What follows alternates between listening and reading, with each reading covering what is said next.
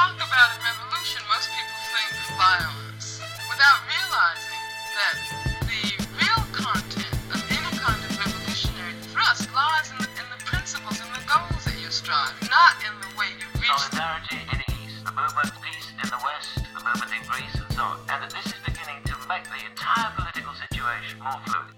Emancypację. Podcast o społeczeństwach tworzących historię.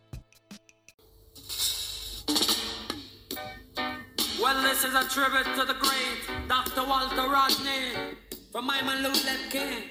Where right now I'm killing earth me so badly. It have to go down in a history. Me come to tell you about the great Walter Rodney. Hear me now. Me say them kill Walter Rodney. Alright, you know me it hurt me so badly. And that they killing to go down in a history. So make me tell you say them kill Walter Rodney. Cause me man, say due to the fire in a Guyana. Me say a due to a fire in a Guyana. Me say them all Walter Rodney say my ringleader. Drodzy słuchacze, drogie słuchaczki, witajcie po przerwie. Zapraszam na 29 odcinek podcastu Emancypację.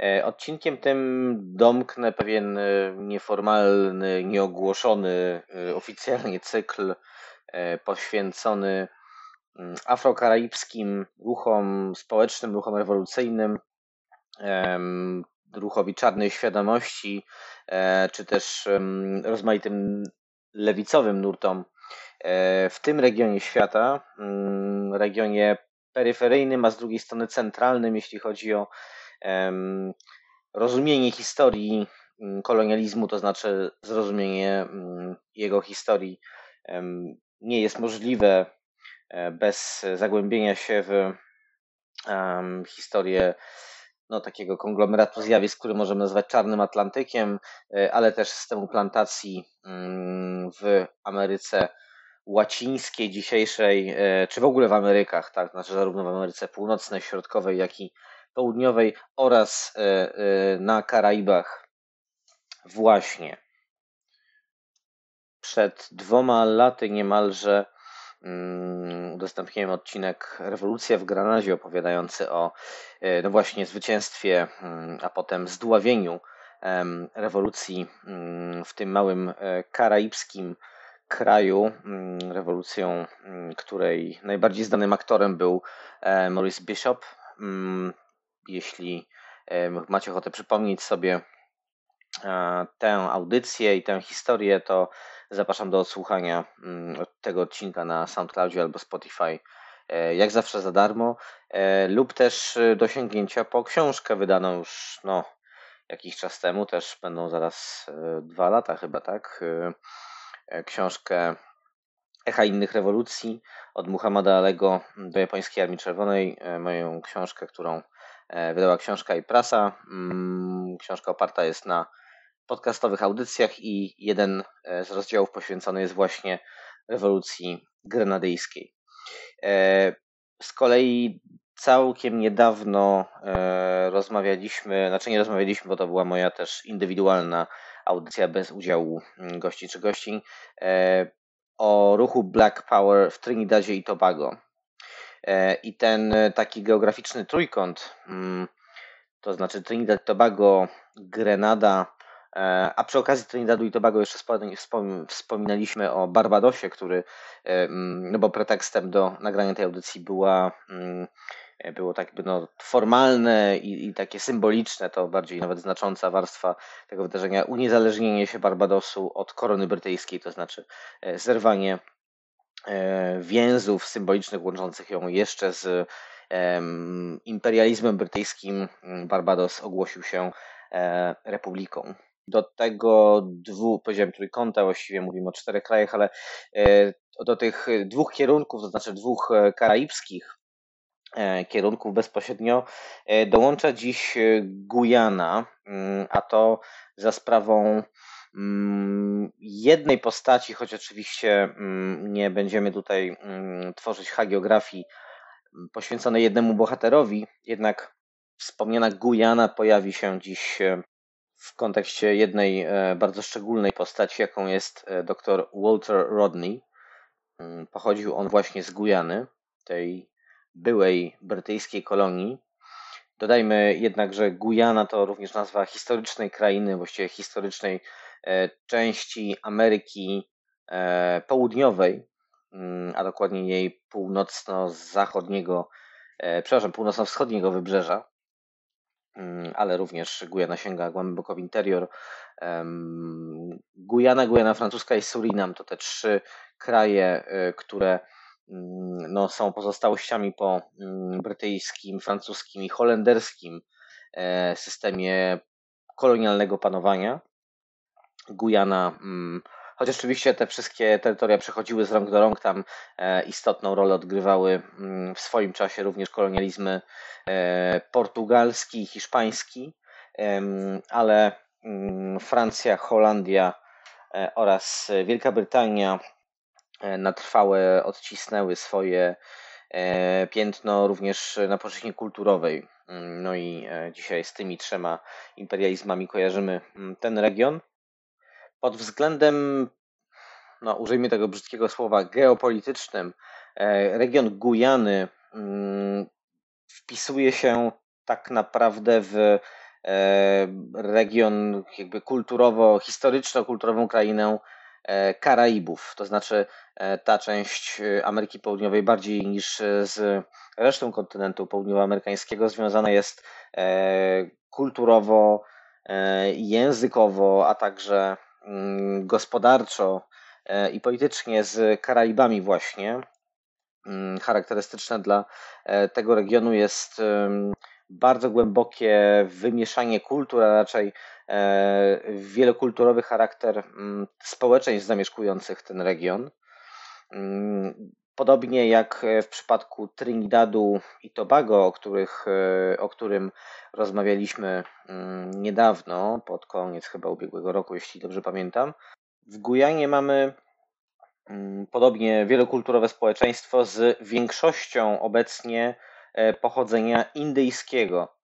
E, w Trinidadzie i Tobago podobną sytuację obserwujemy, przy czym e, tutaj e, w Gujanie mm, ta większość indyjska ma mm, jednak istotną liczebną przewagę, tak procentowo mm, licząc nad pozostałymi, natomiast znaczy nad drugą grupą, którą stanowią czarni Gujańczycy pochodzenia afrykańskiego, ale około 20% populacji to osoby o mieszanym pochodzeniu, i genezą tej różnorodności jest y, to samo zjawisko, mm, co w przypadku e, Trinidadu i Tobago właśnie, czyli w momencie, gdy w Wielkiej Brytanii, w Imperium Brytyjskim e, stopniowo i e, zależnie od regionu w różnym czasie zaczęto znosić niewolnictwo, to znaczy delegalizować je formalnie, no to czarni niewolnicy sprowadzeni niegdyś E, których zaczęto sprowadzać niegdyś do pracy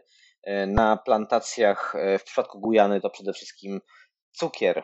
Mm, nie tylko, ale przede wszystkim cukier. Jak kupujecie brązowy cukier, który się nazywa Demerara, to się Demerara to jest nazwa regionu mm, plantacyjnego w historycznej Gujanie a dokładnie w jej środkowej części e, płynie przez nią rzeka e, właśnie o nazwie Demerara. Mm, tak też nazywała się swego czasu e, holenderska kolonia, mm, gdzie właśnie przemysł, znaczy przemysł, gospodarka plantacyjna mm, związana z uprawą cukru, trzciny cukrowej była tak znaczącym źródłem bogactwa dla europejskiego imperializmu. Więc kiedy po zniesieniu e, niewolnictwa e, dawni niewolnicy e, częściowo odmówili pracy mm, u swych dawnych no, właścicieli, teraz plantatorów, braki siły roboczej zaczęto uzupełniać mm, robotnikami rolnymi, robotnikami, robotnicami rolnymi sprowadzanymi z Indii, czy też no, z mm, Azji Południowo-Wschodniej, z Indii, Pakistanu, to były osoby różnych e, wyznań, nie tylko e, hinduiści czy hindusi, mówiąc precyzyjniej, e, ale hinduizm mm, to było dominujące wyznanie wśród nich, no i też, co za tym idzie, pewna dominująca tożsamość kulturowa. Jak mówię o sprowadzaniu tych robotników i robotnic, no to nie mam na myśli rzecz jasna takiego sprowadzania, jakie miało miejsce w ramach transatlantyckiego, transatlantyckiego, przepraszam, handlu czarnymi niewolnikami, ponieważ tutaj mieliśmy do czynienia z procesem, mm, mogę powiedzieć, no, częściowo dobrowolnym, to znaczy to byli tak zwani indentured workers, tak, nie ma dobrego tłumaczenia tego terminu na język polski. E, różnie się go tłumaczy, też wspominałem o tym przy okazji odcinka o Trinidadzie i Tobago i Barbadosie, mm, ale mm, no, tak bardzo y, spłycając, y, należałoby rozumieć e, ten stosunek y, pracy jako swego rodzaju pańszczyznę, tak? To znaczy y, ci ludzie otrzymywali jakieś skrawki ziemi na własność, która też nie była do końca własnością, ale e, pod kontrolą władz imperialnych no, mogli uprawiać częściowo swoją ziemię, powiedzmy, ale funkcjonując właściwie w ramach systemu, no należałoby powiedzieć, półniewolniczego. I właśnie w tym e, regionie naznaczonym historią mm, kolonialnego panowania i brutalnej gospodarki plantacyjnej e, przyszedł na świat Walter Rodney.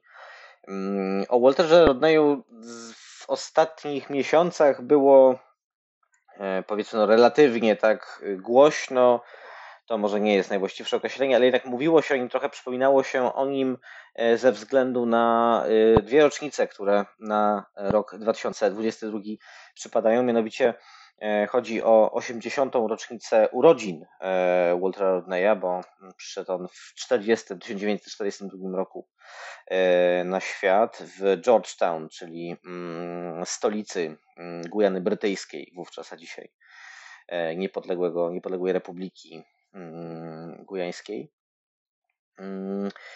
Z kolei drugą e, rocznicą, 50. w tym przypadku, e, jest y, no, rocznica ukazania się jego najbardziej znanej książki. E, książki przełomowej z wielu powodów, o których wspomnę w dalszych częściach audycji. Chodzi o How Europe Underdeveloped Africa czyli jak Europa hmm, no właśnie, doprowadziła do niedorozwoju Afryki. Zrobiłem tutaj drobną pauzę e, tłumacząc ten tytuł, ponieważ e, no, nie ma dobrego słowa w języku polskim, które potrafiłoby oddać ten czasownik to underdeveloped, tak? czyli e, no właśnie powodować niedorozwój, no ale nie można kogoś niedorozwinąć, tak?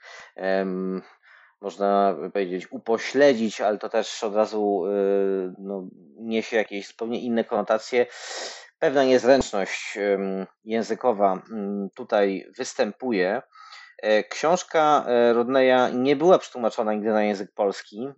Znajdziecie ją za to w wersji angielskiej i w kilku innych, e, także z łatwością w internecie.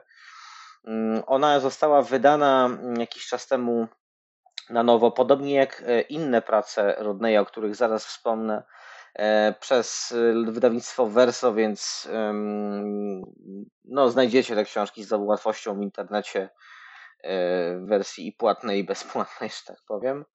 No i pewnie How Europe Underdeveloped Africa jest tą pozycją, od której warto zacząć poznawanie myśli Waltera Rodneya. Myśli niebanalnej, bardzo odważnej, e, a także w dużej mierze wyprzedzającej swój czas. Choć ja akurat daleki jestem od idealizowania Rodneya i, i robienia z niego jakiegoś e, e, czy intelektualnego, czy politycznego półboga, um, bo zupełnie nie na tym, chyba nie, nie, nie, nie z takich hiperboli powinna brać się jego wielkość, tak, czy to jak dzisiaj tę wielkość rozumiemy. Warto skupić się na tym, kim e, Walter Rodney był, e, co napisał i co spowodował, ponieważ mm, oczywiście mm, Rodney był przede wszystkim intelektualistą, akademikiem, mm, akademikiem, który doczekał się globalnej sławy i globalnej, globalnych wpływów. On urodził się w no, średnio zamożnej rodzinie czarnej, tak, więc średnio zamożna w tym momencie mm, w odniesieniu do lat 40. i brytyjskiej kolonii oznacza mm, no raczej nieprzymieranie głodem, tak, i jako taką, że tak powiem, pozycję wyjściową do jakiegoś rozwoju mm, dzieci E, on odebrał e, solidne wykształcenie, ale to przede wszystkim dzięki swojemu no, talentowi i e, wielkiemu wysiłkowi, jaki włożył w proces kształcenia się, bo jednak rodzina, z której pochodził, była rodziną robotniczą. Mm, i no, w jakimś takim szerszym kontekście należałoby ją rozumieć jednak jako rodzinę zdecydowanie ubogą, ale jak na lokalne standardy, mm, no to młody Walter Rodney mógł cieszyć się relatywnie stabilną sytuacją materialną, a ponieważ był, zdaje się, najlepszym uczniem na poziomie mm, liceum, tak, najlepszym uczniem w całej Gujanie brytyjskiej, e, no to doczekał się mm, stypendium e, akademickiego przyznanego mm, przez Uniwersytet Indii Zachodnich, czyli taką bardzo e, znaczącą, być może nawet najbardziej znaczącą uczelnię regionu anglojęzycznych Karaibów. Rodney podjął studia e, w kampusie tej e, uczelni e, w mieście Mona na Jamajce. On tych kampusów posiadał i posiada do dziś kilka, natomiast ten kampus w Mona jest no, historycznie w tej chwili bardzo związany z, z postacią Ultra Rodneya i bardzo też eksponuje ta uczelnia te więzy, to dziedzictwo ale zanim Walter Rodney został bohaterem mm, takim kultowym tak dla e, tej uczelni, to doczekał się e, niesłychanych szykan ze strony władz Jamajki, ale o tym za chwilę. Krótkie życie Waltera Rodneya jest z pewnością materiałem na no nie jedną, a kilka audycji, no ale tutaj z konieczności musimy się ograniczyć do bardzo skrótowej formy więc wszystkich i wszystkie zainteresowane e, odsyłam do książek Rodneya, które można znaleźć e, w sieci. Zaletą e, jego dorobku, dużego lub niedużego, zależy jak na to patrzeć, no, biorąc pod uwagę to, że kiedy Rodney zginął, zamordowany przez rząd Gujany swojego ojczystego kraju, e, e, miał 38 lat raptem, no to biorąc pod uwagę ten wiek e, i sześć publikacji książkowych, których doczekał się za swojego życia, no to jednak jest to istotny dorobek, tak mi się wydaje, nie wspominając już oczywiście o bogatym, rozbudowanej działalności dydaktycznej, popularyzatorskiej, E, i tak dalej. E, warto też pamiętać, że Walter Rodney był e, akademikiem o istotnych osiągnięciach realizowanych na trzech kontynentach, tak, to znaczy na um, Uniwersytecie um, w Gujanie, w Georgetown, w swoim ojczystym kraju, w um, Uniwersytecie Indii Zachodnich na Jamajce, a także mm, na Uniwersytecie w Dar es Salaam w Tanzanii, e, w kraju, w którym osiadł na kilka lat, na kilka lat i, i, i stał się tam jedną z wiodących e, figur świata intelektualnego. Wówczas Uniwersytet w Dar es Salaam e, odgrywał istotną rolę w, jakby powiedzieć, no, rozwoju międzynarodowej politycznej myśli antykolonialnej, mm, ale do tego też przejdziemy za sekundę. Mm, aha, no i oprócz e, tych, tych dwóch uniwersytetów e, w, e, na kontynencie amerykańskim, do tego ten afrykański oraz SOAS w, w Londynie, bo tam obronił Rodney swoją dysertację doktorską, która potem również ukazała się w formie książkowej. Jest to y, bardzo y, wysoko ceniona praca na temat y, historii e, Gujany. Ja przyznaję, że to jest jedna książka Rodneya, której nie znam, e, ale się zamierzam zapoznać, więc, e, więc mm, tutaj może ktoś mnie uprzedzi. Ona się nosi tytuł A History of the Upper Guyana Coast. Przepraszam, Upper Guinea Coast 1545-1800. Taki okres y, obejmuje mm, swą treścią ta praca. Ona wyszła w 1970 roku drukiem. E, no a dwa lata później ukazała się ta książka How Europe Underdeveloped Africa. Zatem Rodney, kiedy ją opublikował, miał raptem ile? 30 lat. 30 lat. Myślę, że tej pracy moglibyśmy poświęcić również osobną audycję. E, dowodem na jej znaczenie jest chociażby to, że mm, cały czas, właściwie rokrocznie jest ona, nie tylko ona, ale w dużej mierze poświęca się uwagę tej pracy właśnie i tezom tam przedstawionym, przedstawionej tam interpretacji historii kolonializmu i niedorozwoju mm, implantowanego e, w Afryce, a w konsekwencji także w regionie afrokaraibskim przez e, kolonializmy europejskie, przez imperializmy kolonialne e, krajów e, europejskich. Mm, dowodem jest to, że no, co roku są organizowane sympozja poświęcone tej, innej, tej i innym pracom Rodneya, a to wszystko za sprawą Walter Rodney Foundation, organizacji E, która mm, no, walczy od e, lat o jakby upamiętnienie dziedzictwa Ultra Rodneya, ale też walczy o to, żeby e, nie zaginęła pamięć o zbrodni, w wyniku której zginął. O tym na końcu odcinka zapewne opowiemy, mm, jeśli nam starczy czasu, ale polecam Wam również odnalezienie strony E, The Walter Rodney Foundation. E, oni też mają profil na Facebooku, chyba w miarę regularnie aktualizowany, chociaż w tej chwili nie pamiętam, ale to łatwo sprawdzić, e, więc zachęcam. Choć od śmierci Waltera Rodneya mm, minęło już wiele lat i też jego dorobek z dzisiejszej perspektywy no, wydaje się mieć być jakby takim dokonaniem E, już jakiegoś poprzedniego pokolenia myślicieli i, i praktyków rewolucji.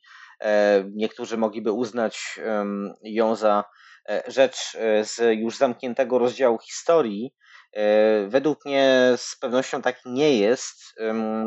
Przy czym trzeba jednak pamiętać też, że mm, Walter Rodney to nie ten jeden z jakichś ojców założycieli tak, ruchu czarnego wyzwolenia czy ruchu E, czarnej świadomości. E, Rodney to intelektualista, który swoją, swój dorobek teoretyczny i swój, swoje badania historyczne mm, mm, opierał już na trochę innych źródłach i trochę innym, a, a zwłaszcza na trochę innym podejściu, takim backgroundzie i metodologicznym, i, i, ogólnie intelektualnym, innym niż, e, no właśnie ci e, ojcowie założyciele, tak, czyli no tutaj z jednej strony, nie wiem, W.E.B. E, Dubois czy Dubois, albo C.L.R. James, który, o którym wciąż nie nagrałem osobnej audycji, odgrażam się od jakiegoś czasu y, w tych y, odcinkach poświęconych afrokaraibskim sprawom. E, marzy mi się to, żeby to zrobić, aczkolwiek bardzo trudno mi, tak powiem, przebrać materiał, bo e, to postać no, takiego kalibru i z tak niesłychaną biografią, że bardzo, a jednocześnie z długim życiem, tak, więc bardzo, bardzo trudno dokonać mi odpowiedniej selekcji, zwłaszcza, że no właśnie, podobnie jak Walter Rodney, C.L.R. James to postać w Polsce w dużej mierze nieznana, prawie nie ma jego tekstów przetłumaczonych na nasz język, o czym też wspominałem w poprzednich audycjach. E, Rodney zresztą należał w pewnym momencie do e, kręgu takich e, no, ludzi inspirujących się Jamesem. Często można też spotkać mm, no, taką tezę, że był jego mentorem po prostu. Ja myślę, że trochę nie pasuje tego rodzaju zależność, tak określenie tej relacji jako takiej zależności e, do, do, do Rodneya, do jego profilu intelektualnego, zwłaszcza, że jednak sporo też go różniło z Jamesem, zarówno jeśli chodzi o interpretację marksizmu, jak i o um, styl, ale też podejście do pewnych y, y, działów działalności politycznej, jakbym to ujął. Niemniej podczas swego pobytu w Londynie na studiach był pod silnym wpływem Jamesa, no i James wówczas również żył w Londynie, w związku z czym Walter Rodney należał do takiego koła afrokaraibskich intelektualistów, intelektualistek, chociaż to byli głównie mężczyźni, skupionego właśnie wokół C.R. Jamesa. To wszystko byli ludzie wychowani w wieloetnicznym, wielokulturowym społeczeństwie, którzy znaleźli się następnie no, w, w metropolii kolonialnej, w jej sercu, czyli w Londynie, i tam E, e, tam e, szlifowali swoje teoretyczne mm, kompetencje i, i, i wykuwali swoje nowe teorie. Przypomnijmy, że pochodzący z Trinidadu i Tobago C.L.R. James był teoretykiem, ale też działaczem lewicowym, działaczem związkowym, politycznym w kilku krajach, bo oprócz Trinidadu i Tobago to zarówno Wielka Brytania, jak i Stany Zjednoczone. Mm, działał tam wśród e, robotników e, przemysłu motoryzacyjnego w Detroit e, i przez wiele lat był C.L.R. James trockistą, członkiem różnych organizacji trockistowskiej, po czym z trockizmem praktycznie zerwał, to znaczy mm, na płaszczyźnie mm, no, wizji organizacji politycznej wizji e, tego, jak e, należy prowadzić e, agitację, czy też działalność rewolucyjną w szerszym rozumieniu, no, od tego trockizmu się zdecydowanie oddalił. Nie można Waltera Rodneya trockistą nazwać w ogóle, tym bardziej, że mm, jeżeli chodzi o jego interpretację marksizmu, nie chcę Was tutaj zanudzać tą kwestią, bo ona jest bardzo rozbudowana, no i też taka, powiedziałbym, no bardzo akademicka, a mm, mówić o Walterze Rodneyu tylko przez pryzmat e, jego mm, postrzegania na przykład rewolucji bolszewickiej, pism Lenina, no to jest być może dla hobbystów rzecz ciekawa, ale jednak bardzo tutaj zawężająca. Jednak trzeba wspomnieć właśnie o tym, że Walter Rodney napisał taką ważną, ważną, no ciekawą na pewno pracę E, poświęconą e, percepcji e, rewolucji rosyjskiej, się nazywa The Russian Revolution, A View, A View from the Third World. To zostało wydane przez Verso kilka lat temu. No i to jest taka książka, w której no, z, z Rodneya wychodzi jednak takie bardzo, bym powiedział, jakieś takie bardzo powierzchowne e, e, instynkty w zakresie odczytywania marksizmu, to znaczy on tam właściwie e, bezkrytycznie podchodzi do polityki Lenina, do, do, do bolszewizmu, tego bolszewizmu z 1917 roku i, i też jeżeli chodzi o ten wątek percepcji, późniejszej percepcji rewolucji rosyjskiej, no to on właściwie bezkrytycznie albo inaczej, on y, jakby dzieli e, e, sposoby opisywania e, rewolucji bolszewickiej czy rewolucji rosyjskiej przez właściwie na dwa, dwa obozy, tak, jeden to ma być ten burżuazyjno-demokratyczny czy drobno-burżuazyjny, któremu się rzecz jasna przeciwstawia, a drugi to ma być po prostu obóz w pełni oddany i w pełni lojalny wobec leninizmu, no i właściwie tam Rodley sprowadza e, e, historię rewolucji rosyjskiej do, do, do tego, że albo się było z bolszewikami, albo przeciw, tak jakby trochę e, no, potwornie spłyca mm,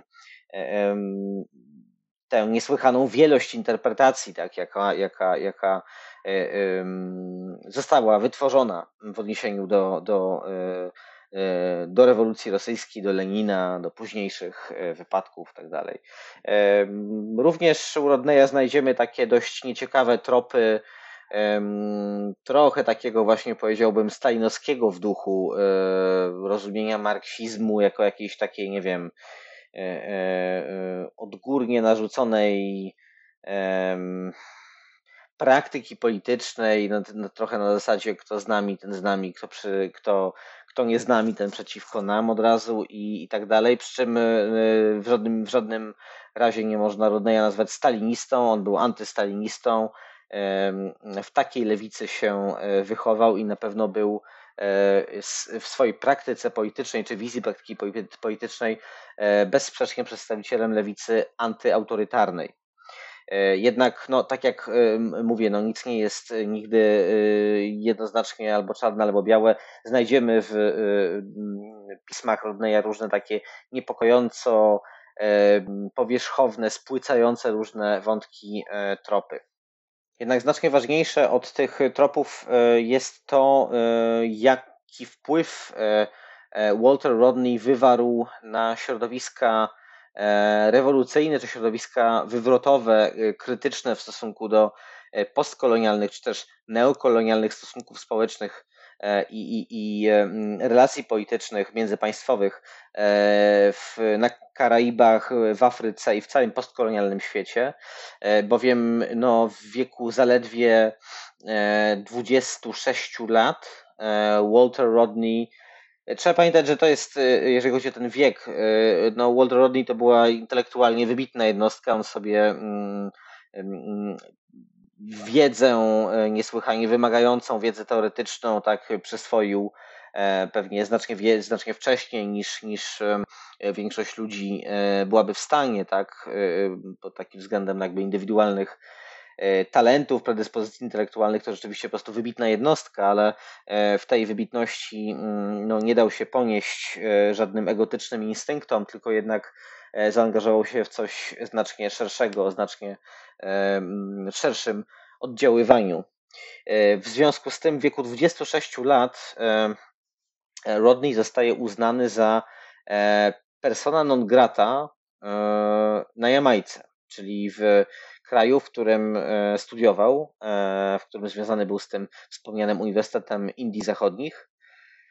Tak w tej nomenklaturze brytyjskiej, zresztą po dziś dzień właściwie nazywa się region Karaibów i e, na tym e, e, uniwersytecie Rodney dał się poznać nie tylko jako charyzmatyczny mówca i, i no taki wykładowca pobudzający, a młody przecież bardzo tak pobudzający niesłychanie młodzież studencką, od siebie niewiele młodszą, bo w bardzo wczesnym wieku się dorobił Rodney doktoratu.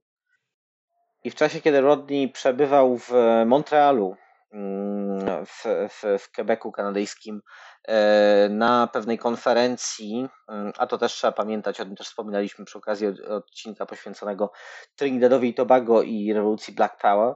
E, e, to był znaczący Montreal, znaczący ośrodek akademicki skupiający studentów z regionu Karaibów.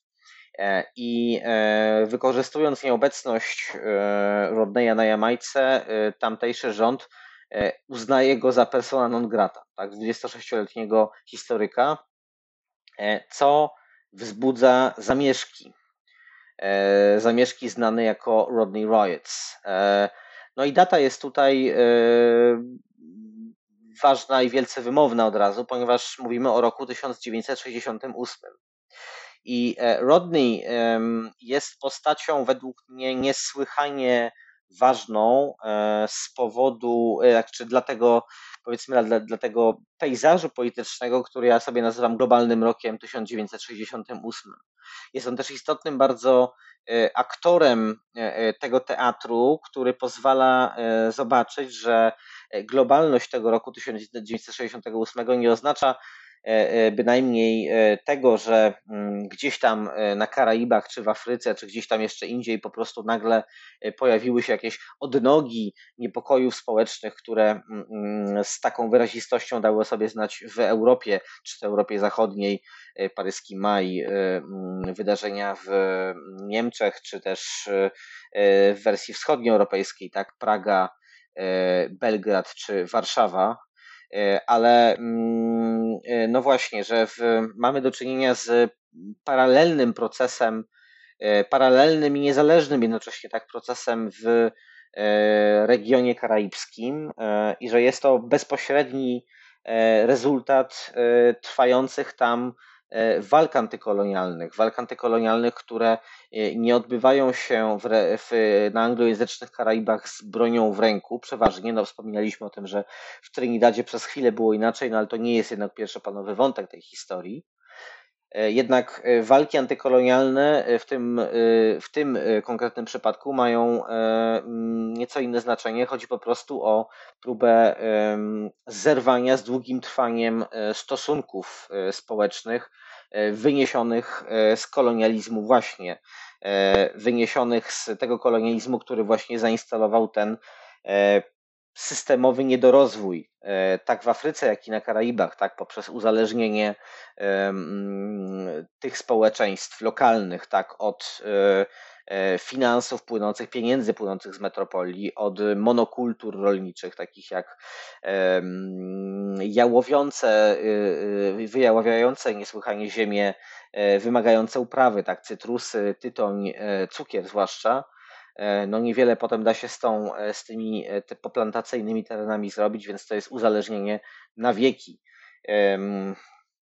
Gospodarka kubańska po rewolucji to sztandarowy przykład tego, jak bardzo trudno jest poradzić sobie z tym wpływem monokultury plantacyjnej E, trzciny cukrowej. E, przypomnijmy, że Kuba, porewolucyjna Kuba, e, no właściwie z konieczności wchodząc w ten alians ze Związkiem Radzieckim, utrzymała w dużej mierze swój status jako państwa gospodarczo zależnego, podległego, tak, w tym momencie od sprzedaży cukru do hmm, bloku wschodniego. Ale zostawmy zawsze interesującą przecież Kubę i przenieśmy się hmm, na, w inne części Karaibów, czyli E, na Jamajkę do, e, i do Gujany. Chociaż wspominaliśmy o tym, że Walter Rodney jest w Kanadzie i w tym czasie e, zostaje uznany za persona non grata. Nie może wrócić do kraju, gdzie jego mm, uczelnia się znajduje. Mm, a to między innymi za sprawą pamfletów, pamfletu, czy należałoby powiedzieć pamfletów może precyzyjniej byłoby raczej ująć w ten sposób, że e, za sprawą e, e, działań i słów, które Rodney wygłaszał na Jamajce, a które zostały w formie pamfletów, takiej zbiorówki różnych pamfletów wydane mm, w 1969 roku nakładem pewnego londyńskiego wydawnictwa. I ta książeczka nazywa się The Groundings with My Brothers. E, I to jest rzecz niesłychanie ciekawa. Mm, ona też jest łatwością dostępna w internecie, bo to jest książka, w której e, Walter Rodney opisuje swoje mm, bardzo odkrywcze dla niego interakcje e, ze społeczeństwem jamańskim, z jamańskimi klasami ludowymi. W tym bardzo istotną rolę odgrywają Rastafarianie. Może odrobinę przesadzam z tym e, opisywaniem mm, przez Rodneya e, interakcji z Rastafariami, bo e, nie są aż tak to rozbudowane opisy, natomiast właśnie w tej pracy, no, czy w tym zbiorze zapisów jego przemówień i pamfletów mm, postawiona zostaje przez niego ta kwestia, tak? Znaczy Rastafarian jako społeczności wykluczonej poza nawias społeczny, Jamajki postkolonialnej, tak? to znaczy tej Jamajki, którą, którą e, rządzą mm, przedstawiciele y, no, burżuazji pozostającej czy podtrzymującej te kolonialne relacje z metropolią, czyli z mm, Wielką Brytanią, a także z bliższymi geograficznie Stanami Zjednoczonymi. E, no i dławią tak y, rozmaite mm, dążenia klas ludowych jamańskich. Rastafarianie dla Rodneya są e, przykładem takiej społeczności, która będąc e, w permanentnej defensywie e, daje świadectwo specyficznej siły czarnej społeczności. Jest to siła, która manifestuje się właśnie w oporze kulturowym poprzez kontestację e, tego mm, liberalno-demokratycznego porządku, który przychodzi wraz z postkolonialną e, władzą teoretycznie mm, według Rodneya. E, pomimo tej teoretycznej niezależności, tego, że jest to już czarna władza reprezentująca 95% populacji Jamajki, która jest również czarna, no w istocie, jak powiada Rodney, są to mm, E, tak naprawdę banda sługusów e, byłej metropolii kolonialnej, no i e, żyranci postkolonialnej zależności od Wielkiej Brytanii, a także rodzącej się neokolonialnej zależności od Stanów Zjednoczonych. dla Waltera Rodneya Rastafarianie mm, no to nie jest tylko jakaś subkultura kontestująca mm, jakby na płaszczyźnie lifestyle'owej, tak jak dzisiaj e, niestety często po tym popkulturowym przetworzeniu tego, czym jest rastafarianizm, e, zwykliśmy postrzegać tę społeczność. Dla Waltera Rodneya to jest no właśnie e, społeczność w stanie permanentnego oporu przeciwko tym tej nowej kulturze burżuazyjnej, tak e, to powiedzmy. Zatem e, Walterowi Rodneyowi nie przeszkadza mm, tak naprawdę no, e, niematerialistyczny charakter filozofii wpisanej w ruch rastafariański, podobnie jak nie przeszkadzają mu, jakby nie przeszkadza mu heterogeniczność ideowa innych zjawisk, które tworzą ten antykolonialny pejzaż walki e, na, w krajach, byśmy powiedzieli dzisiaj, globalnego południa, wówczas trzeciego świata.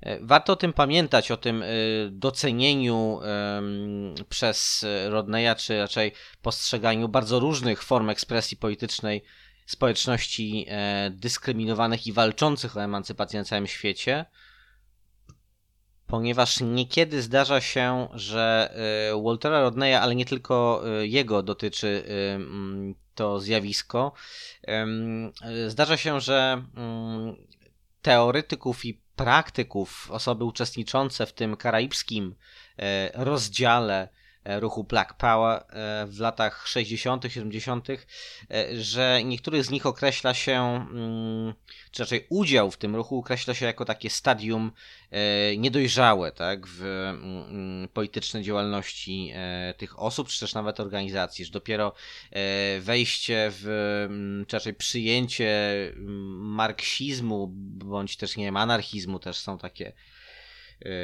opracowania, takie opinie, to w odniesieniu do bardziej ruchu Czarnych Panter, ale to kompletna, kompletna, kompletny detal.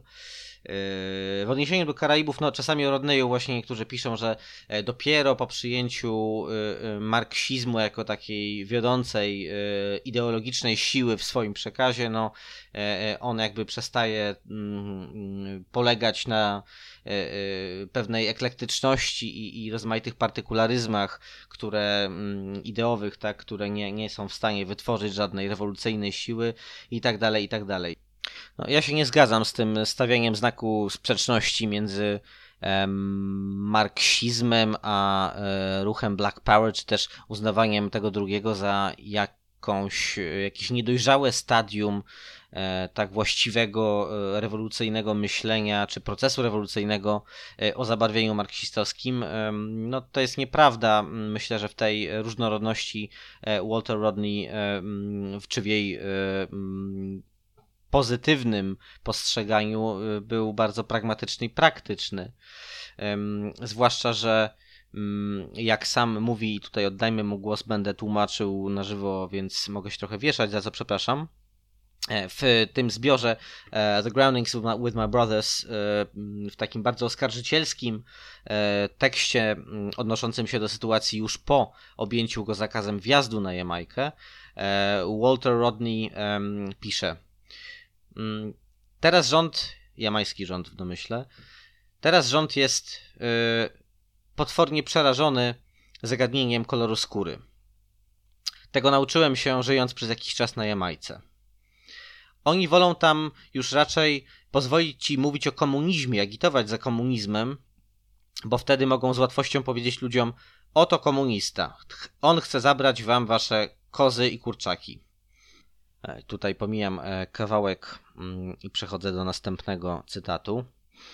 E, oni bardzo nie chcą, aby ktokolwiek odważył się podważać ich mit o tym, że z wielości jeden lud. To jest jakby motto Jamajki. Oficjalny taki slogan państwowy i nie chcą, żeby ktoś podważał ten mit e, harmonijnego, wielorasowego społeczeństwa e, i pokazują to na wiele sposobów. Zabronią ludziom przyjeżdżać do, do, ich kraju, e, takim ludziom jak James Foreman albo Stokely Carmichael. Wprowadzą zakaz publikowania literatury Malcolma X, Elijah Mohammada czy Stokely'ego Carmichaela. Jeśli jeszcze tego nie wiecie, to przypomnę, że czarny jamański rząd e, zabronił, objął zakazem publikacji wszystkie książki e, Stokely'ego Carmichaela, wszystkie publikacje Elijah Mohammada i wszystkie publikacje Malcolma X. Mam nadzieję, że Stokely nie wpadnie na pomysł napisania książki kucharskiej lub podobnego, e, lub czegoś podobnego. I tak zakazaliby tego przecież na Jamajce. Koniec cytatu. Pamiętajmy, że mówimy o latach 1968-1969 e, i to jest okres, e, w którym no, w Stanach Zjednoczonych i Wielkiej Brytanii jest niezwykle gorąco, jeśli chodzi o kwestie rasowe, zwłaszcza w Stanach Zjednoczonych. Natomiast już w tym czasie młody Walter Rodney ma na koncie e, no, dość długą karierę w zakresie mm, głoszenia bardzo radykalnych jak na tamten czas treści. Treści dotyczących odkrywania, konieczności odkrycia, przywrócenia czarnej społeczności, czarnej historii. E, mówi o konieczności zerwania z rozumieniem dziejów jako no takich, e, takiego czegoś, co nad czym panuje ten biały idiom, taki tylko czarna historia może być co najwyżej działem ogólnoświatowego systemu historycznego, który jest biały. E, mówi e, wprost o kwestii reparacji za krzywdy wyrządzone niewolnikom i ich potomkom, potomkiniom przez kolonizatorów. I wreszcie e, mówi o ogólnoświatowej rewolucji. E, jeżeli pamiętacie odcinek o Granadzie, no to tam puszczałem również fragment nagrania, przemówienia Morisa Bishopa, w którym on wskazuje na to, że e, Grenada tak bardzo uwierała Amerykanów jako powstające państwo rewolucyjne, z tym przekazem antykapitalistycznym, lewicowym, antyrasistowskim, tak bardzo ich uwierała, dlatego że znajdowała się bardzo blisko, dalej się znajduje bardzo blisko Stanów Zjednoczonych. Co więcej, tamtejsi rewolucjoniści grenadyjscy e, są anglojęzyczni. Tak, i ich przekaz bardzo łatwo e, w związku z tym trafiał do czarnej społeczności w Stanach Zjednoczonych. No, e, czego nie można już było powiedzieć o latynoamerykańskich, hiszpańskojęzycznych treściach rewolucyjnych, no bo one najczęściej wymagały przełożenia najpierw na język angielski, no i nie było tego mm, e, efektu natychmiastowego zrozumienia. I podobnie jest w przypadku Waltera Rodneya. Mm, Walter Rodney na Jamajce e, mówiący o rządzie ówczesnym, że to jest po prostu banda sługusów białych, która instaluje tutaj kapitalizm na zasadach e, gdzieś tam przysłanych z Londynu i Waszyngtonu i że się jakieś slogany o wielokulturowości jamańskiej e, publikuje i wpisuje w godło narodowe czy coś takiego.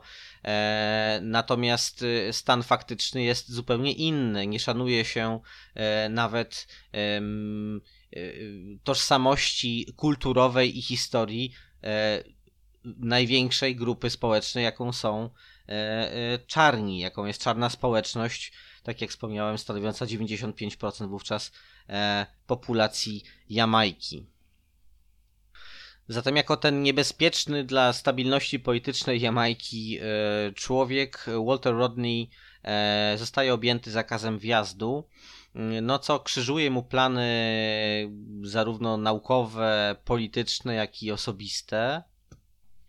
E, ale Rodney decyduje się wrócić do Tanzanii. Wrócić, ponieważ e, to już e, będzie jego drugi pobyt w tym kraju, niedawno wyzwolonym spod panowania brytyjskiego kraju, gdzie mm, Julius Nyerere, o którym e, krótko wspominaliśmy e, podczas naszej rozmowy, naszej, to znaczy mojej z Piotrem Cichockim, doktorem Piotrem Cichockim, e, w przedostatnim odcinku emancypacji poświęconym tam akurat wątkom muzycznym przede wszystkim w Tanzanii i Malawi, ale zachęcam również, żebyście sobie odświeżyli, odświeżyły może tam ten odcinek, jeśli macie ochotę.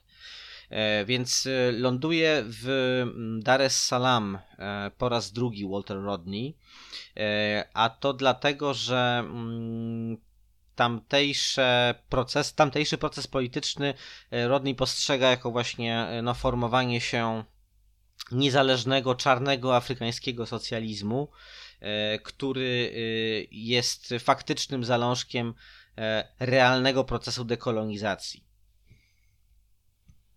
Przez pewien czas w późnych latach 60. no Dar es Salaam obok Algieru i, i, i Hawany E, no, staje się może nie aż tak znaczącym, ale jednak istotnym ośrodkiem mm, rozwoj, rozwoju antykolonialnej myśli politycznej, radykalnie lewicowej przeważnie. W Tanzanii, e, który prezydentem mm, jest bohater walk o niepodległość Julius Nyerere, rozwijany jest projekt nazywany Ujama, czyli szczególny rodzaj e, polityki kolektywizacji wsi, ale kolektywizacji opartej o wzmocnienie potencjału ekonomicznego e, wioski. Tak? Wioska jest podstawową jednostką gospodarczą w tym systemie. W kraju rolniczym dodajmy mm, o bardzo mm, zapóźnionym technologicznie rolnictwie i kiepskiej infrastrukturze i tak dalej. E, no jednak tutaj Nierele projektuje taki ogólnonarodowy zryw produkcyjny oparty właśnie na tej kolektywizacji, ale która e, nie ma jednak nic wspólnego z kolektywizacją, straszną kolektywizacją znaną z e, Związku Radzieckiego czy innych państw bloku wschodniego, tak zwanego.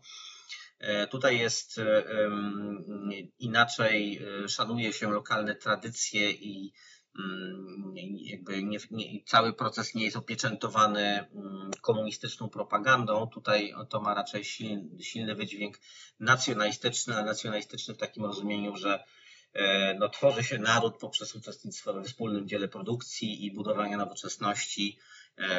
Promuje się język Suahili jako no, podstawowy język narodowy i taką międzyplemienną lingua franca. E, I właśnie z tym projektem e, Walter Rodney wiąże duże nadzieje.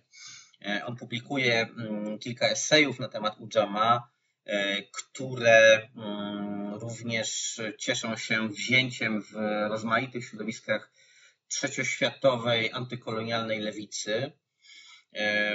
Przez to, że mówimy o kraju rolniczym i o i o y, no, dość zapóźnionym technologicznie społeczeństwie i trudnych e, warunkach produkcji mm, rolnej, e, no to te wszystkie czynniki razem mm, budują obraz Rodneya jako teoretyka właśnie sprzymierzonego z takim ludowym zrywem, pozytywny obraz w oczach na przykład maoistów tak? i różnych innych trzecioświatowych marksistów, ale E, Walter Rodney przez e, rozmaite środowiska maoistowskie jest tutaj e, hołbiony, co wcale nie oznacza, że on sam jest maoistą, chociaż on bardzo pozytywnie się wyraża w wielu swoich tekstach i przemówieniach o Mao Tse-tungu, o chińskiej rewolucji, no bo widzi w niej mm, no, właściwą ewolucję trzecioświatową, tak, taką stojącą w kontrze do E, procesów emancypacji narodowej, które y, zakończyły się przejęciem władzy przez rozmaitych lokalnych wataszków pozostających w neokolonialnej zależności z w stosunku do metropolii albo idących w takie nuty ultranacjonalistyczne, takich jak Mobutu Sese Seko, chociażby w Zairze, dzisiaj znanym jako Demokratyczna Republika Konga. E, po prostu Rodney jest wyraźnym krytykiem e, despotów afrykańskich, tych despotów, którzy e, budują swą moc polityczną na, no właśnie, z jednej strony mm, relacjom neokolonialnym z Europą, z Ameryką, a z drugiej strony rozwijają rozmaite formy lokalnej autokracji, często oparte na e, również na mm, plemiennych, e, rozmaitych e, zależnościach, tak, jakby odtwarzaniu różnych plemiennych waśni czy, czy stosunków dominacji i podległości. No, tak jak Zaje tutaj jest chyba czołowym przykładem. W Senegalu również znajdziemy takie obrazy w Ugandzie, Idiego Amina i tak dalej.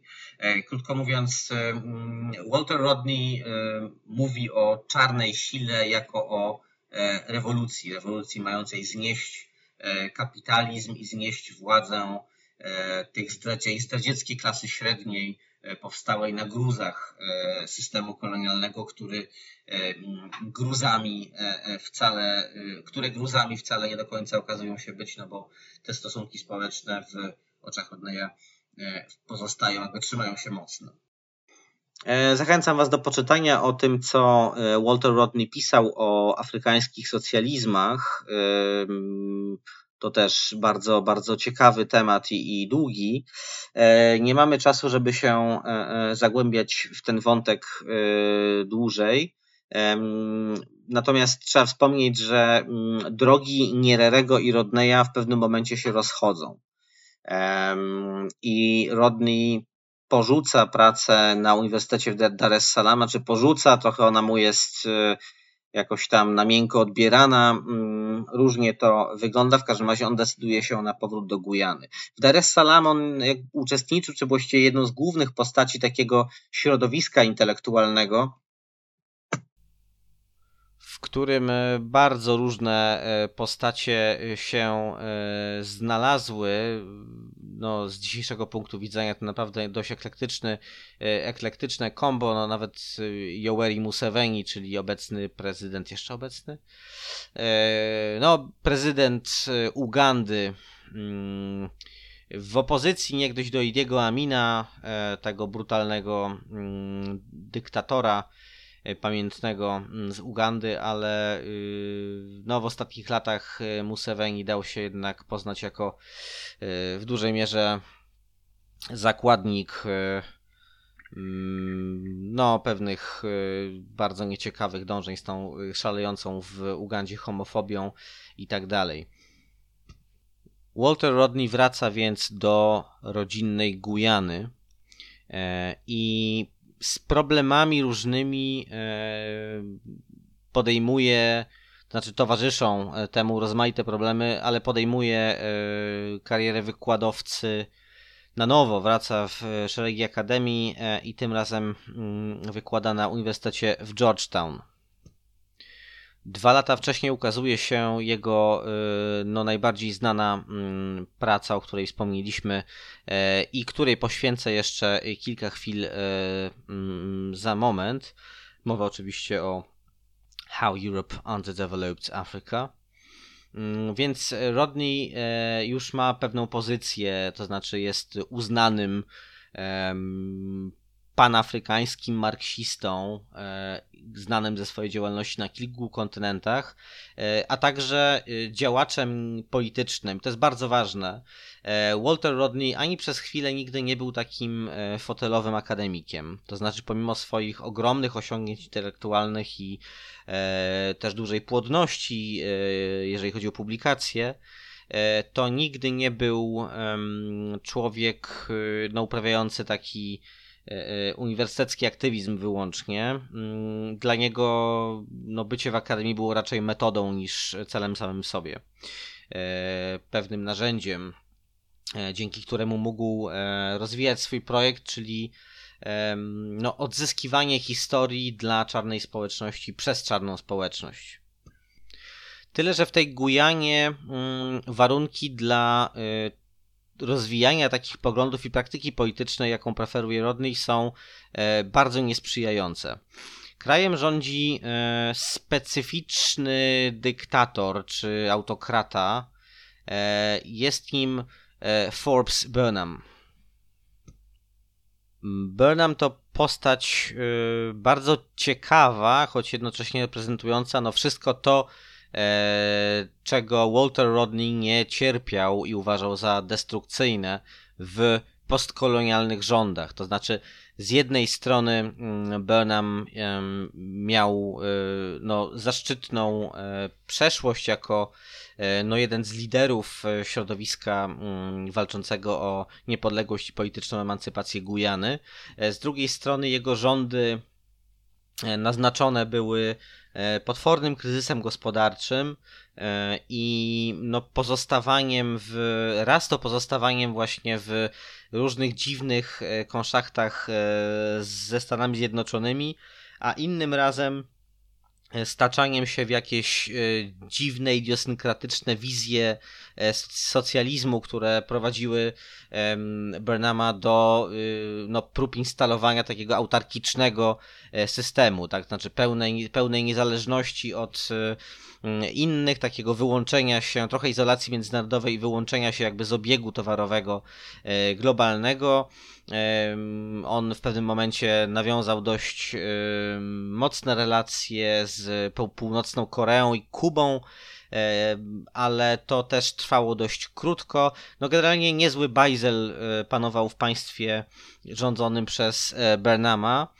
E, a to wszystko mm, w dużej mierze wzięło się chyba z konkurencji politycznej, którą Burnham początkowo działający w progresywnej, postępowej partii ludowej, takiej partii proniepodległościowej, która w 50 roku powstała. Potem założył Burnham partię mm, Ludowy Kongres E, narodowy, mm, która e, stanowiła konkurencję dla tego e, People's Progressive Party, PPP. Natomiast ciekawa była jego droga polityczna, bowiem on wyszedł z radykalnej lewicy i na polu ideologicznym bardzo mocno rywalizował z innym współzałożycielem tego, tej People's Progressive Party, czyli e, Chedim Jaganem. E, Chedi Jagan, jak już być może e, brzmienie jego imienia i nazwiska wam podpowiada, był przedstawicielem indogujańskiej społeczności. Burnham był czarny. I Burnham, no nie wiem, czy można nazwać go rasistą, w każdym razie on jednak był niesłychanie afrocentryczny, w taki sposób, e, no zupełnie inny sposób niż Rodney, czy inni uznani bohaterowie e, ruchu Black Power, czy walko, walk z kolonializmem, bowiem no, Burnham po prostu dążył do mm, uprzywilejowania rozmaitych klik i były to wyłącznie kliki afrykańskie i zapewnienia im kontroli nad gospodarką w tym małym i biednym kraju, jakim jest Gujana, małym i biednym, e, e, którego gospodarka mm, głównie w tamtych latach opierała się na e, mm, wydobyciu i eksporcie boksytów oraz uprawie trzciny cukrowej.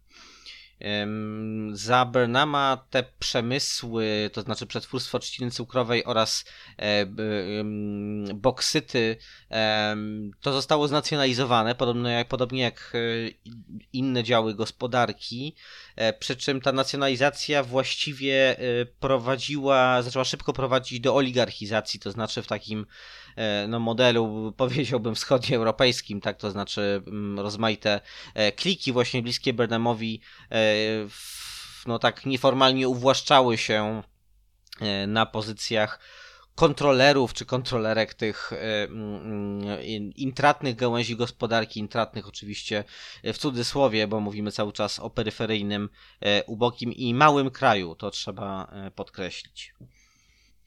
Walter Rodney e, wyrasta na jedną z najwyrazistszych postaci, no i właściwie lidera opozycji e, przeciwstawiającej się autorytarnym rządom Forbesa Burnhama i e, PNC, People's National Congress, tej jego partii. I z czym Walter Rodney idzie jako politycznie, jako przywódca opozycji? Założona przez niego w 1974 roku partia Working People's Alliance, czyli no, sojusz czy też przymierze ludzi pracy, to jest mm, partia, która w duchu y, podobnym do tego trinidadzkiego ruchu Black Power y, głosi konieczność zawarcia przymierza y, społeczności dyskryminowanych jakby w ogólnym systemie postkolonialnym, ale głosi on po prostu jedność interesów bez ludzi pracy bez podziału e, według kategorii etnicznych, czyli krótko mówiąc e, Indusi oraz czarni, a także potomkowie rozma przedstawiciele rozmaitych wariacji kreolskich tak, w społeczeństwie Gujany oraz innych, przedstawiciele innych klas innych społeczności, przepraszam, innych etnosów, powinni walczyć ramię w ramię i stworzyć właśnie partię ogólnonarodową, w której podziały etniczne e, nie ustanawiają, nie są bazą podziałów klasowych dalszych, tak, czy jakby e, mm, czynnikami e, tworzącymi dyskryminację.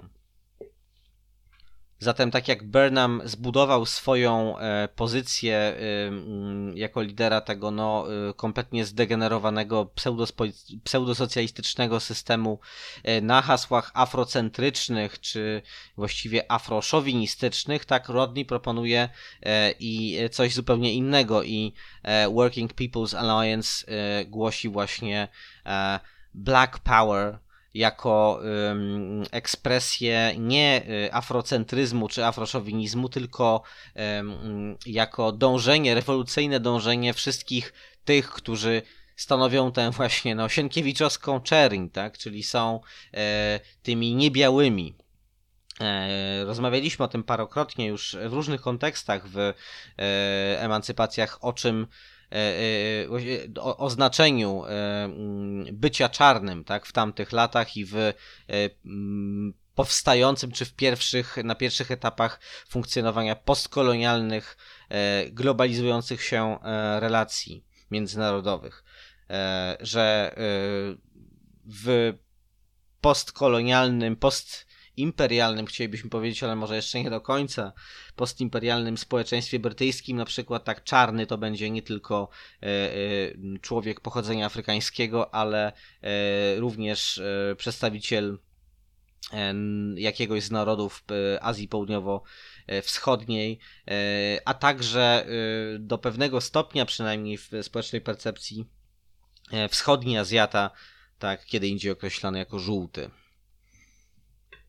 Rodney mówi więc e, my razem przeciwko kapitalizmowi, przeciwko mm, e, sługusom białego kapitalizmu e, i przeciwko podziałom etnicznym, które, za pomocą których była metropolia kolonialna i jej klienci usiłują nas poróżnić.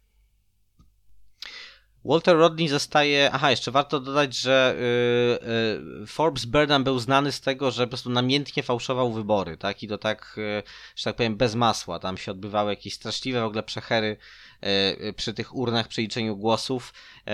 No i właściwie mieliśmy dyktaturę monopartii. Zresztą Forbes Burnham otwarcie dążył do tego, żeby w konstytucję Gujany wpisać, e, no jakbyśmy to odnosząc do e, znanych z polskiego podwórka historii powiedzieli o przewodniej roli partii. Tak, to znaczy partia miała być siłą najważniejszą w republice, E, i miała stać e, no, wyżej niż parlament i wyżej niż jakiekolwiek ciało e, ustawodawcze. Jakby on o tym wprost pisał w swoich tekstach.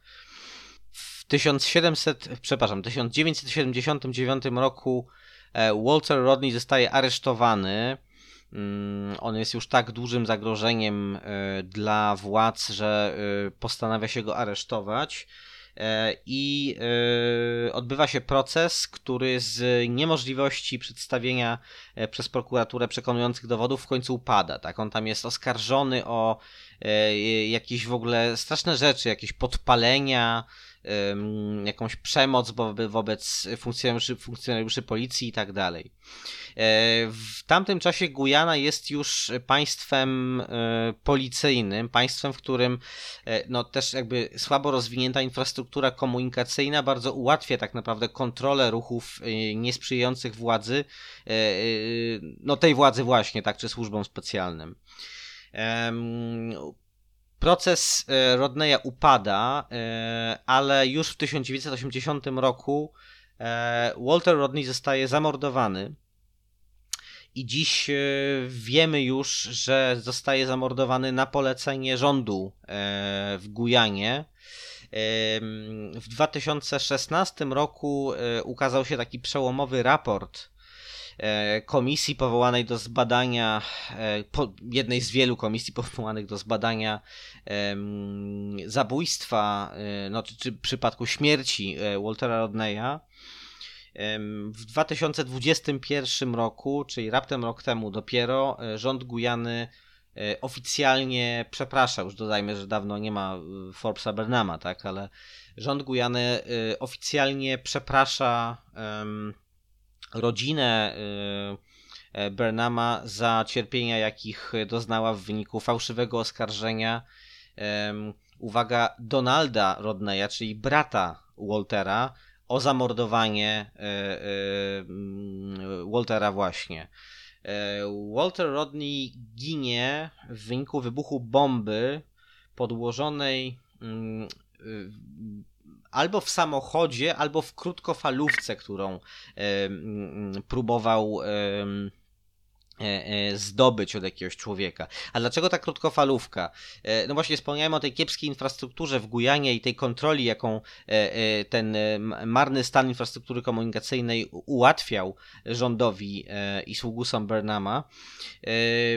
Wiadomo, że w tamtym czasie no, rzadka sieć telefoniczna w tym południowoamerykańskim kraju jest praktycznie cała na podsłuchu, tak? To znaczy opozycyjni działacze mieli bardzo ograniczone możliwości możliwości e, przekazywania sobie informacji na odległość, e, w związku z czym miał e, Rodney taki pomysł, żeby jakąś tutaj no, własną sieć komunikacyjną zbudować z użyciem krótkofalówek. Nawiązał kontakt z jakimś człowiekiem, który miał mu te krótkofalówki sprzedać.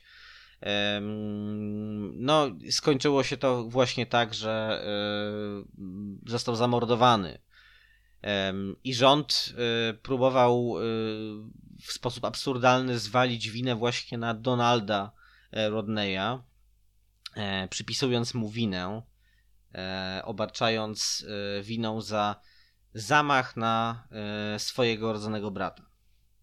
Walka o uniewinnienie Donalda mm, Rodneya trwała bardzo, bardzo długo i no tak jak wspomniałem, w 2021 roku właściwie się zakończyła dopiero i też, jeśli pamiętacie, na początku odcinka wspomniałem o Walter Rodney Foundation, powołanej e, przez rodzinę i bliskich e, Waltera, e, właśnie w celu, no z jednej strony kultywowania dziedzictwa intelektualnego i politycznego Waltera Rodneya, ale też w celu Mm, no, przywrócenia y, dobrego imienia Donald, Donaldowi.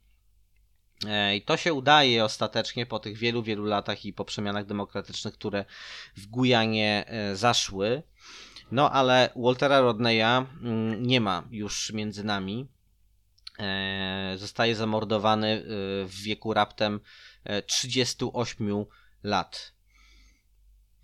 Tę walkę o jego o pamięć po nim e, oraz walkę o dobre imię i o uniewinnienie, oczyszczenie z zarzutów e, jego brata prowadzi m.in. dr Patricia Rodney, czyli e, żona Waltera.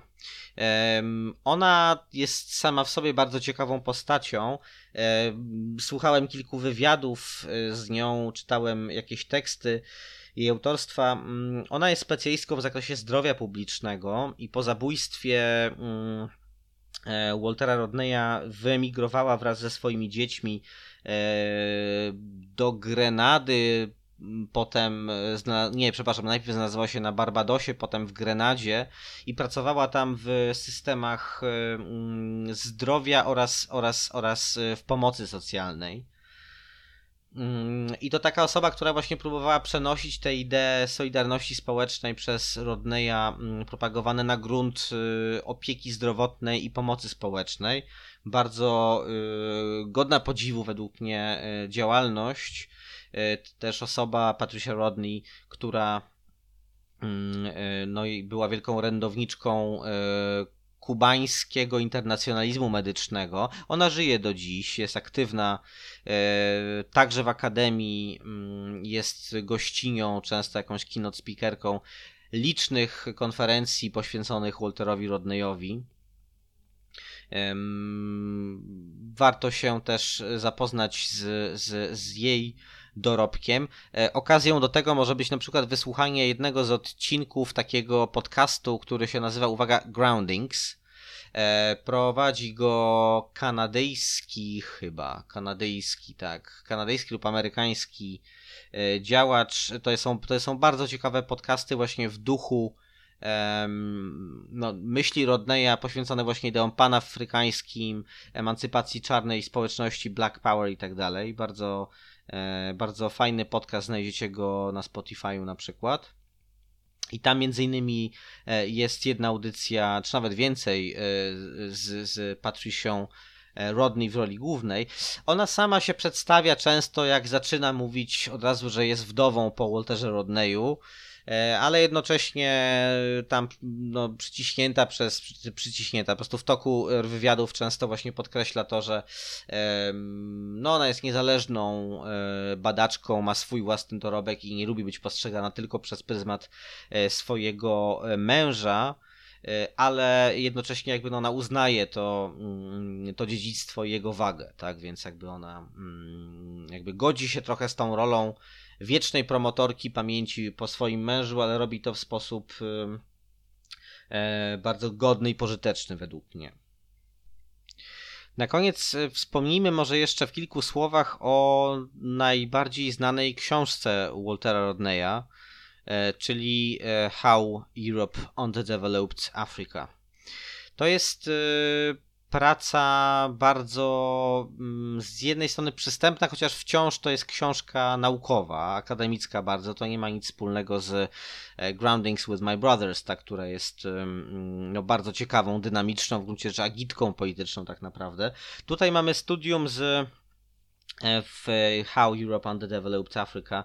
Mamy studium z historii e, kolonializmu i ale nie od strony podbojów kolonialnych, czy jakby y, sprawczości Europejczyków znowu, tak, w jakimś procesie historycznym, tylko od strony mm, dziejów mm, represjonowania samowiedzy e, Afrykanów o sobie, z dziejów wymazywania afrykańskiej historii, ale też odbierania właściwie kulturowego potencjału społeczeństwom afrykańskim, które, który umożliwia e, samorozumienie się, tak, rozumienie, interpretowanie własnej historii.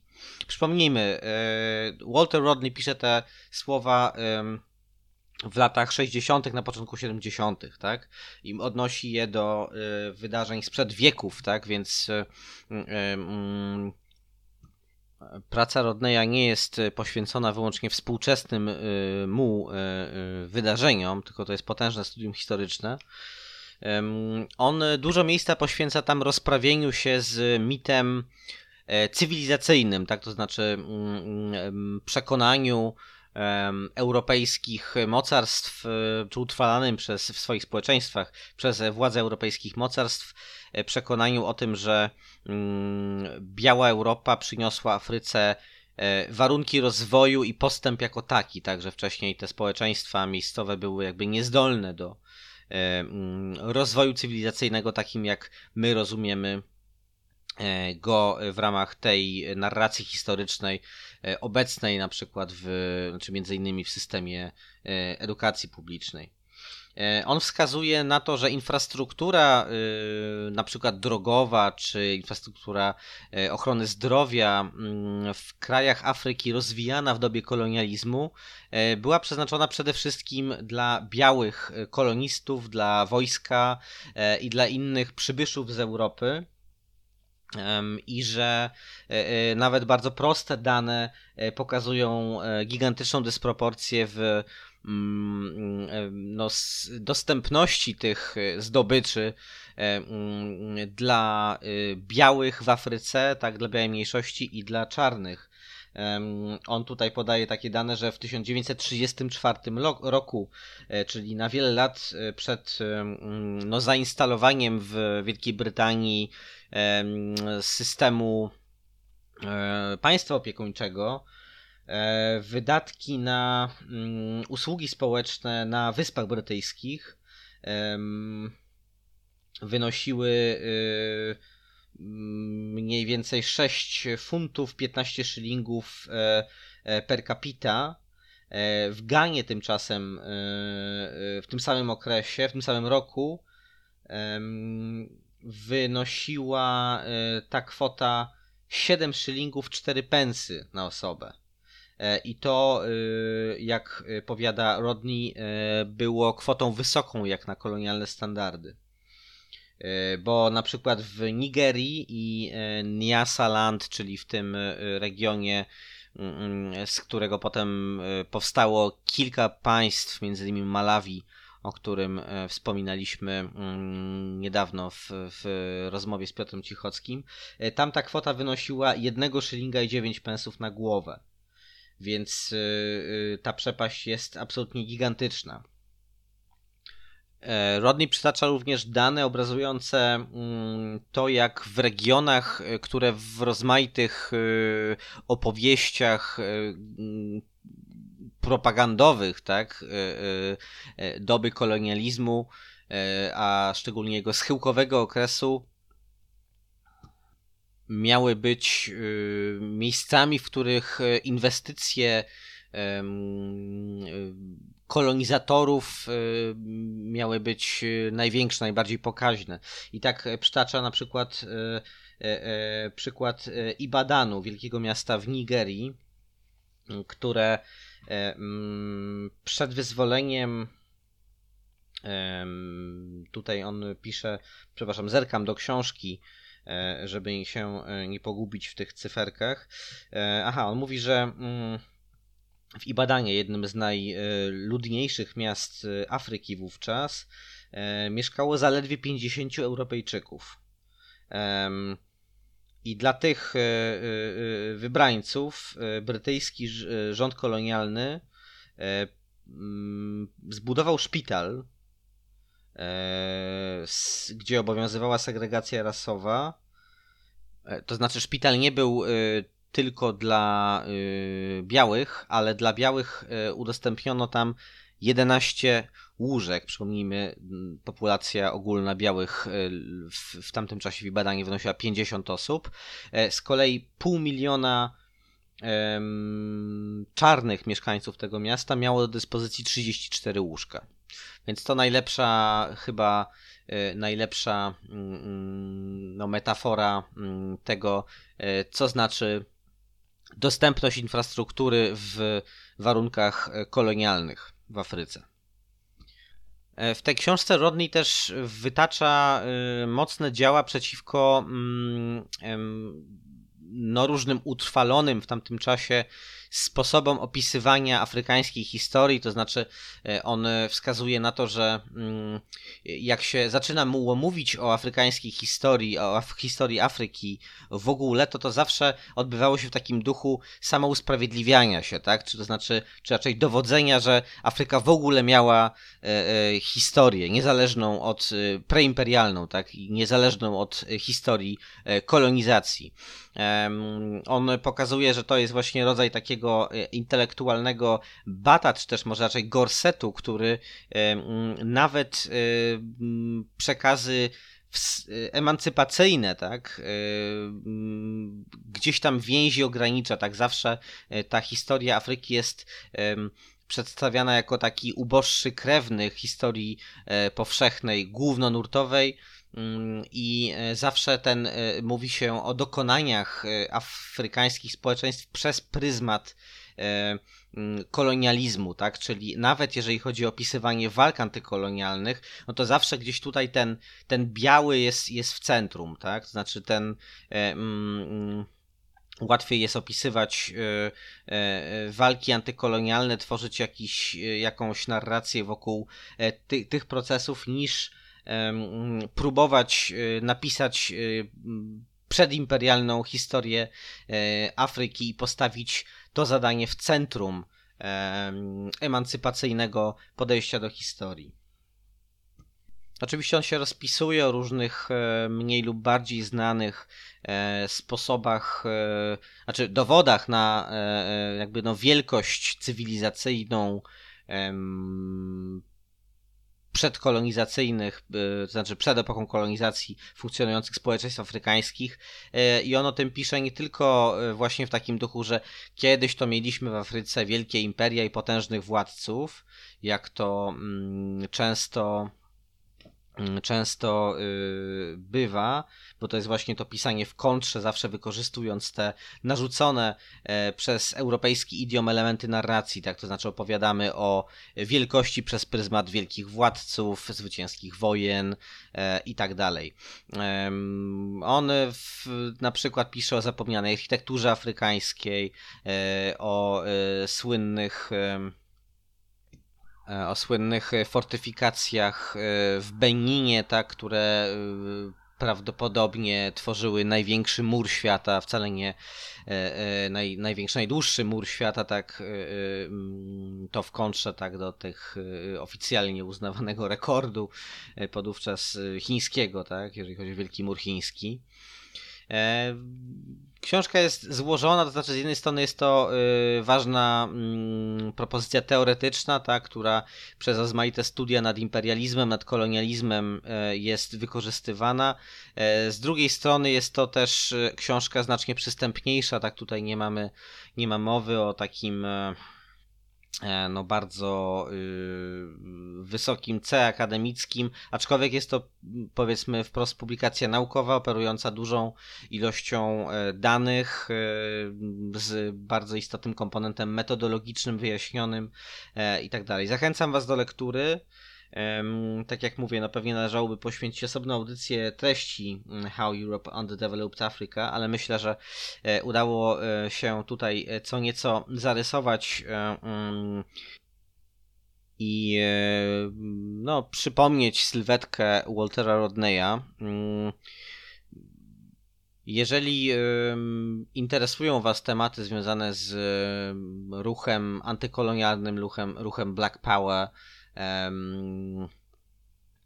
walką Afroamerykanów o e, swoje wyzwolenie, historią najnowszą Karaibów e, i tak dalej, historią panafrykanizmu, no to nazwisko Waltera Rodneya niechybnie wypłynie w końcu w toku waszych lektur czy zapoznawania się z innymi materiałami i myślę, że stanie się to dość szybko, jeżeli weźmiecie do rąk E, no tak nawet takie najbardziej sztandarowe prace e, e, z, współczesne, tak, podejmujące te kwestie. To jest ciekawe, że mm, Walter Rodney w, no, w takiej na płaszczyźnie międzynarodowej jest pewnie mniej pamiętany niż, nie wiem, chociażby nie wiem, Huey Newton, tak, jeden z liderów partii Czarnych Panter w Stanach Zjednoczonych. E, bo Walter Rodney i że i, i, a z drugiej strony, że rozmawia się o nim mniej o Rodneyu niż o, nie wiem, e, teoriach Immanuela Wallersteina.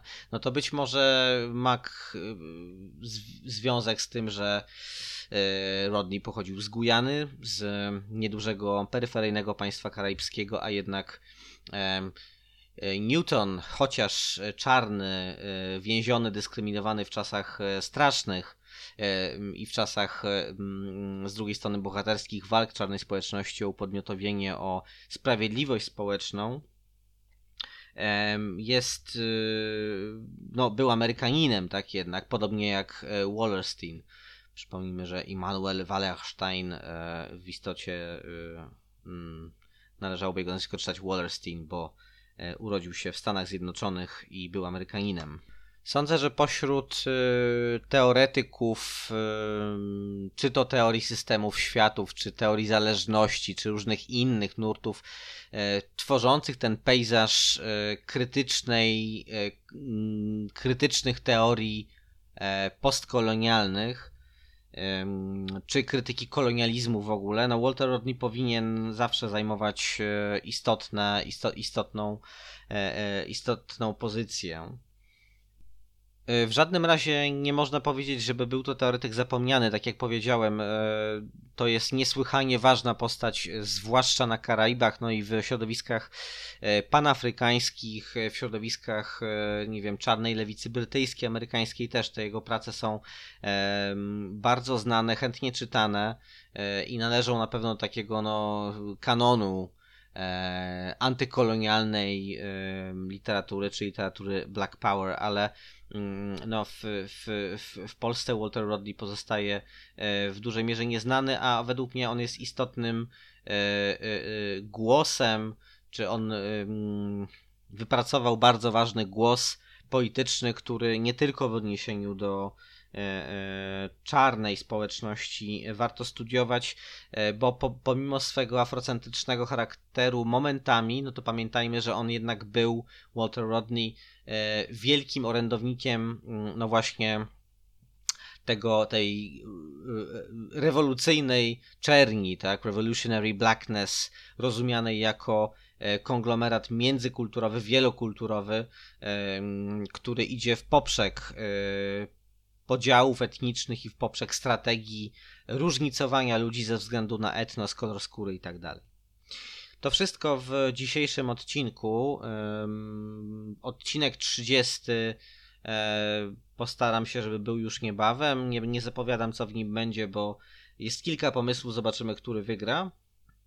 E, w moim chorym umyśle, ale też, e, że tak powiem, co los tutaj nam zgotuje. Zobaczymy. Przypominam, że emancypacje dostępne są e, za darmo na Spotify i na SoundCloudzie. Aha, może taka jeszcze uwaga a propos dostępności nowych platform. Ja od dłuższego czasu toczę e, specyficzną e, wymianę zdań z pomocą techniczną Apple Podcasts, ponieważ staram się, starałem się i właściwie zamieściłem emancypację również na tej platformie ale z powodów dla mnie naprawdę trudnych do zrozumienia emancypacje chyba cały czas, albo przynajmniej nie dla wszystkich dostępne są jeszcze na przykład w iTunesie.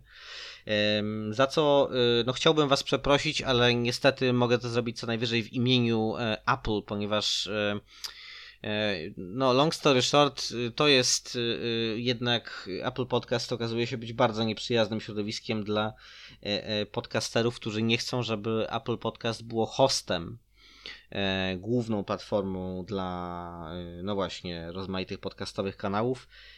I bardzo błachet kwestie techniczne tak naprawdę przeszkadzają w pełnym udostępnieniu emancypacji na Apple Podcast, więc z góry Was przepraszam za to, ale powiem też szczerze, trochę mi się nie chce kopać z koniem jeżeli um, użytkownicy, użytkowniczki um,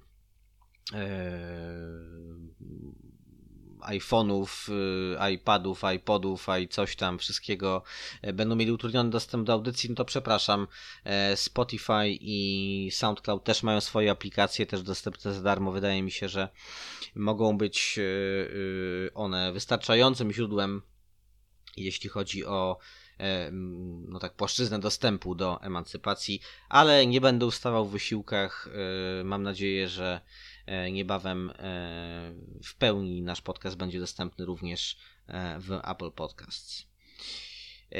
No cóż, dziękuję bardzo za wysłuchanie 29 odcinka.